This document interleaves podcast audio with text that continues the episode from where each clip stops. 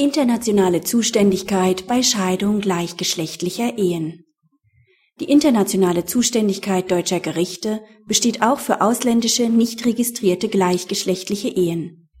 Die Parteien, ein Niederländer und ein Italiener, haben nach niederländischem Recht 2003 die Ehe geschlossen. Die gleichgeschlechtliche Ehe, die in den Niederlanden alternativ zu einer registrierten Partnerschaft eingegangen werden kann, ist nicht registriert der letzte gemeinsame Aufenthalt der Parteien befand sich in Deutschland.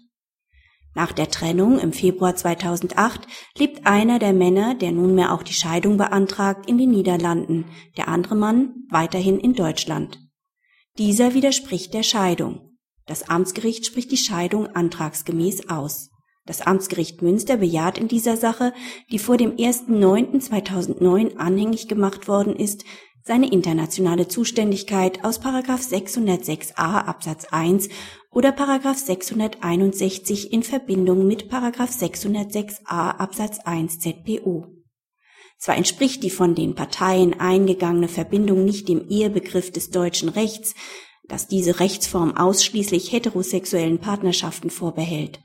Jedenfalls für die Bejahung der internationalen Zuständigkeit kann dies jedoch dahinstehen, da auch dann, wenn die Vorschriften über die registrierte Partnerschaft Anwendung finden müssten, die internationale Zuständigkeit gegeben ist.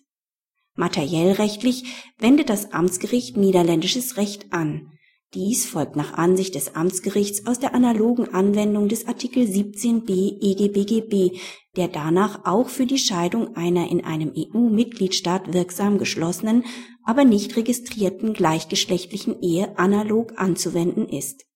Zwar ist Artikel 17b EGBGB als eine Sonderanknüpfung für rechtlich institutionalisierte Lebensformen als ein Aliud zur Ehe konzipiert worden, würde man seine auch nur analoge Anwendung für gleichgeschlechtliche Ehen, wie sie in den Niederlanden neben registrierten Partnerschaften möglich sind, ablehnen und stattdessen Artikel 13 EGBGB als Kollisionsnorm auch für Ehestrukturen, die über den Ehebegriff des deutschen Sachenrechts hinausgehen, heranziehen, hätte dies im vorliegenden Fall die Unwirksamkeit der Eheschließung zur Folge.